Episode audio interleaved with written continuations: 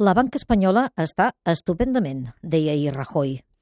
La banca espanyola és la que ha necessitat menys ajustos, deia el governador del Banc d'Espanya.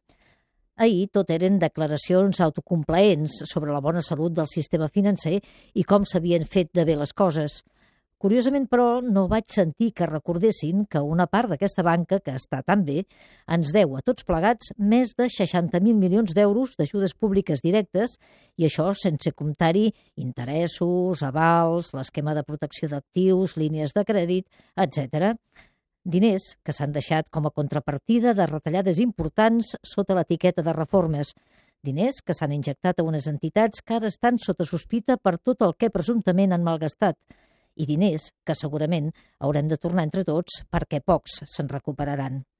Puc entendre que un sistema financer s'ha de salvar perquè, entre altres coses, és on tenim els nostres estalvis. Puc arribar a compartir que pot sortir més car deixar caure una entitat que salvar-la. El que no puc entendre és que quan aquest sistema financer aprova un examen, els mèrits siguin seus. President Rajoy, governador Linde, en aquestes notes tots hi hem deixat alguna cosa i estaria bé que si la banca ja ha recuperat la salut, nosaltres ho notéssim, i no només, tot i que també estaria bé, amb un agraïment.